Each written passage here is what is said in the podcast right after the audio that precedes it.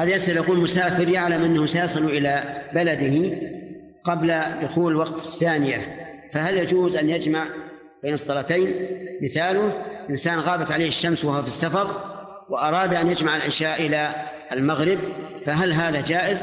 فالجواب أن هذا جائز لأنه ما زال في السفر لكن الأفضل أن لا يفعل إذا كان يظن أو يغلب على ظنه أنه سيصل إلى البلد أي بلده قبل دخول وقت العشاء أو بعده ولكن يمكن الوقت.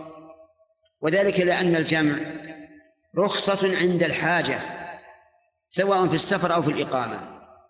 ويجوز الجمع للجاد في السير وغير الجاد لأن النبي صلى الله عليه وعلى آله وسلم كان يجمع وإن كان نازلا كما في حديث أبي جحيفة في نزول النبي صلى الله عليه وعلى آله وسلم في الأبطح عام حجة الوداع.